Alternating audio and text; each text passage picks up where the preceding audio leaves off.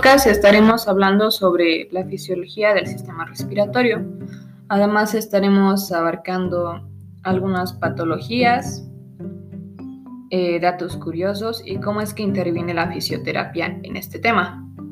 Para comenzar quisiera separar la palabra fisiología del sistema respiratorio. La fisiología es la ciencia que estudia las funciones de los seres vivos y el sistema respiratorio es el conjunto de los órganos que participan en la respiración y consiste en el intercambio de gases que son el oxígeno y el dióxido de carbono. El oxígeno es fundamental para la respiración celular, que consiste en que el oxígeno se une con la glucosa, que viene de los alimentos que consumimos normalmente, produciendo así la energía para nuestro cuerpo. Otro de los factores importantes es sobre la oxigenación de la sangre, que sucede dentro de los pulmones para que llegue a todo nuestro cuerpo. A continuación estaré mencionando los elementos importantes de este sistema y la función de cada uno de ellos. Todo esto comienza desde la nariz. El aire ingresa desde nuestras fosas nasales, pasando por su interior a través de los pelos que hay dentro de estas. Estos pelos son los que nos ayudan a que el aire que ingresa del medio externo sea un poco más limpio, por así decirlo, quitando la mayor cantidad de polvo, generando la mucosidad. El aire sigue su recorrido por la faringe, que está recubierta por una capa de moco para atrapar las partículas de polvo que restan esto lo que hace la faringe, incluyendo que es más como un elemento que tiene como principal función el paso del aire. Al término de la faringe nos encontramos con la epiglotis, que es como una especie de válvula que nos ayuda a que la comida no entre al aparato respiratorio. Después sigue la laringe, que comienza junto con la epiglotis y que al igual que la faringe es un elemento de paso para el aire y atrapa las partículas de polvo que restan. Seguimos nuestro recorrido con la tráquea, que también es de paso para el aire y atrapa las partículas de polvo que lleguen hasta ese punto. Y que casi al término de esta hay una bifurcación o separación que forman los bronquios, uno derecho y uno izquierdo. Los bronquios se encuentran perforando el pulmón derecho y el pulmón izquierdo, por donde estos entran también las arterias bronquiales y las arterias pulmonares. Y llegamos a los pulmones, que es donde sucede el intercambio de gases. Como dato, el espacio que existe entre un pulmón y otro se llama mediastino. Dentro de los pulmones se forman ramificaciones de los bronquios principales, formando los bronquios secundarios, o también llamados bronquios lobulares. Se llaman así porque están divididos en lóbulos.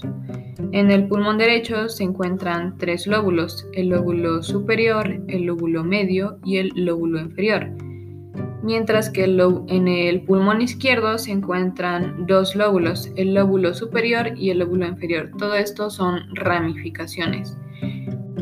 De estas mismas ramificaciones de los lóbulos de cada pulmón salen los segmentarios y de estos salen los bronquiolos.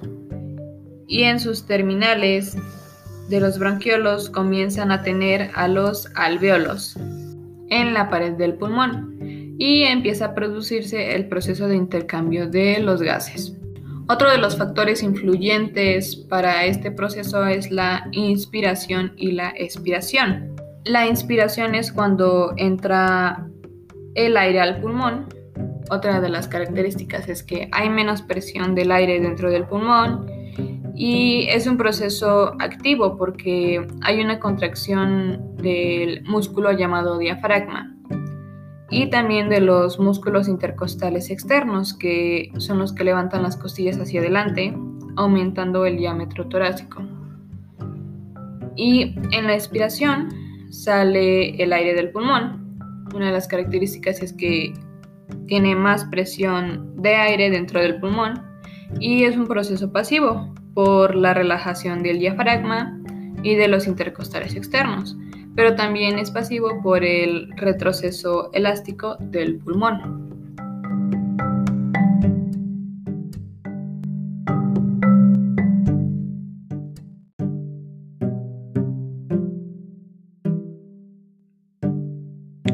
¿Qué son las enfermedades respiratorias? Bueno, antes de comenzar hay que destacar que el sistema respiratorio cumple una función esencial en el suministro de oxígeno al cuerpo. A su vez elimina residuos de dióxido de carbono y los desechos tóxicos. También regula la temperatura y estabiliza la sangre. Las enfermedades respiratorias crónicas son enfermedades de tipo crónico que afectan al pulmón y a las vías respiratorias. Algunas de ellas son la son el asma, la enfermedad pulmonar obstructiva crónica, la rinitis alérgica, las enfermedades pulmonares de origen laboral y la hipertensión pulmonar. Las enfermedades respiratorias afectan a los pulmones directamente y pueden surgir por las siguientes causas pulmonares, cardiovasculares, emocionales y causas graves que pueden llevar a ser mortales. La Organización Mundial de la Salud, OMS, calcula que 235 millones padecen de asma y 65 millones padecen de EPOC.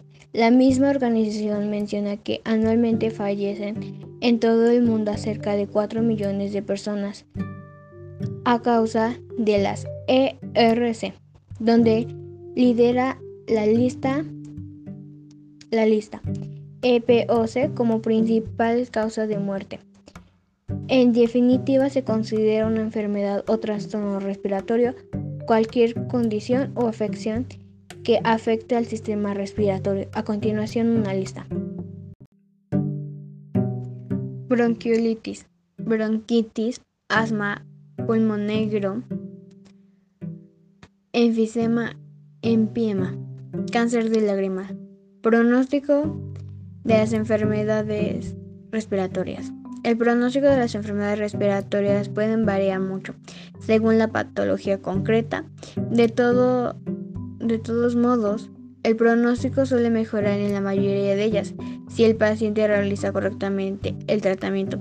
Esto sirve tanto para los problemas respiratorios más graves como los más leves. Síntomas de las enfermedades respiratorias. Los síntomas varían según la persona y según la patología, no obstante, los fatiga y dificultad para respirar, rinitis, estornudos, picor, picor en la nariz. Pruebas médicas para las enfermedades respiratorias. El diagnóstico de las enfermedades respiratorias se realiza un interrogatorio y una exploración física exhaustiva por parte del médico, además se evaluarán y volarán las características de las enfermedades y los problemas respiratorios.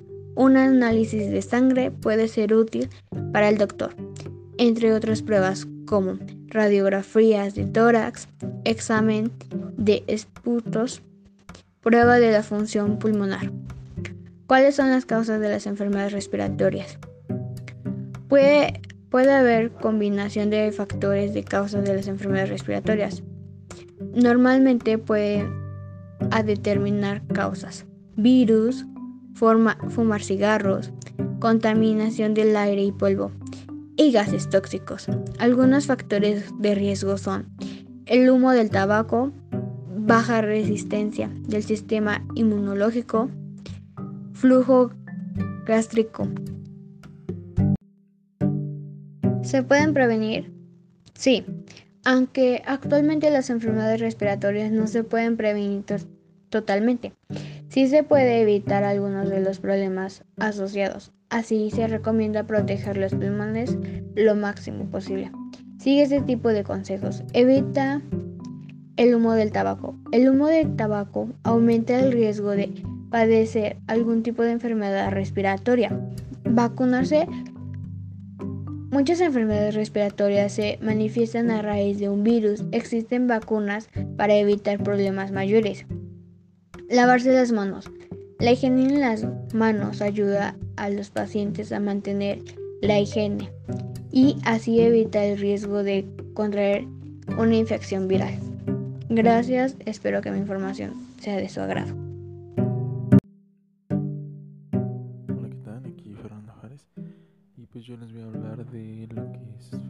Fisioterapia respiratoria.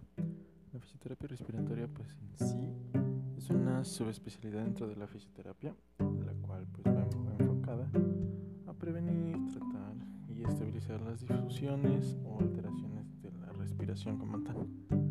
Su objetivo principal es mejorar la ventilación regional, pulmonar, el intercambio de gases, la función de los músculos que intervienen en la respiración, la disnea, tolerancia a hacer ejercicios, entre otros problemas.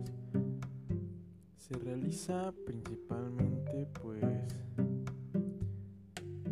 debido a algunas patologías respiratorias este, primarias o derivadas de cualquier otra enfermedad, como en este caso puede ser por secuelas de COVID o cosas así. También pues, es útil para abordar procesos agudos, neumonía o abscesos pulmonares, por ejemplo, o intervenciones quirúrgicas, como pueden ser trasplantes pulmonares, cardíacos y hepáticos. Consiste en sí en diferentes técnicas como el drenaje postural, ejercicios de expansión torácica, control de la respiración y demás. También tenemos la compresión torácica. Pues la preparación para lo que es la fisioterapia respiratoria es como tal comenzando con la anamnesis, la cual pues ya va a valorar con la cual vamos a valorar la disnea, dolor, expectoraciones, demás. Después la valoración de la dinámica y estética de la caja torácica, tanto visual como manual, así como pues el modo y ritmo de la respiración de nuestro paciente. Tenemos que realizar una exhaustiva auscultación del enfermo para conocer sus ruidos respiratorios y posteriormente tener un diagnóstico funcional. Después de esto, vamos a valorar la musculatura respiratoria y aplicaremos procedimientos especiales de valoración como espirometría para determinar los parámetros ventilatorios básicos. Después tenemos la valoración pulsiosimétrica, pues que es como para valorar el grado de saturación de oxígeno en la sangre. Ya casi para terminar, hacemos un test de esfuerzo o marcha para informar sobre pues, la adaptación fisiológica del organismo ante una carga muscular externa. Y finalizamos con pruebas complementarias, gasometría, radiografías. Una vez teniendo esto, el fisioterapeuta va a poder actuar con las, las diferentes maniobras que mencionamos anteriormente.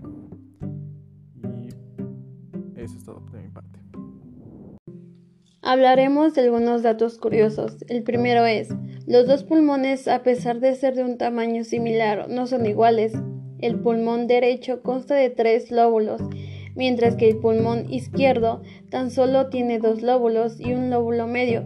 Esto se debe a que el pulmón izquierdo debe dejar espacio para el corazón, el cual ocupa parte de la zona donde debería estar ese tercer lóbulo. El segundo dato es, Perdemos medio litro de agua al día a través de la respiración. Es el vapor de agua que vemos cuando exhalamos aire sobre un cristal. El tercer dato es, una persona en reposo respira normalmente de 12 a 15 veces por minuto. El cuarto dato es, el ritmo de la respiración es más rápida en los niños y las mujeres que en los hombres. El quinto dato es, en reposo, el cuerpo de un adulto inhala y exhala unos 6 litros de aire por minuto. El sexto dato es, los pelos de la nariz ayudan a limpiar el aire que respiramos, además de calentarlo. Hablaremos de algunos datos curiosos. El primero es, los dos pulmones, a pesar de ser de un tamaño similar, no son iguales. El pulmón derecho consta de tres lóbulos mientras que el pulmón izquierdo tan solo tiene dos lóbulos y un lóbulo medio. Esto se debe a que el pulmón izquierdo debe dejar espacio para el corazón, el cual ocupa parte de la zona donde debería estar ese tercer lóbulo. El segundo dato es, perdemos medio litro de agua al día a través de la respiración. Es el vapor de agua que vemos cuando exhalamos aire sobre un cristal. El tercer dato es, una persona en reposo respira normalmente de 12 a 15 veces por minuto. El cuarto dato es, el ritmo de la respiración es más rápida en los niños y las mujeres que en los hombres. El quinto dato es, en reposo el cuerpo de un adulto inhala y exhala unos 6 litros de aire por minuto. El sexto dato es, los pelos de la nariz ayudan a limpiar el aire que respiramos, además de calentarlo.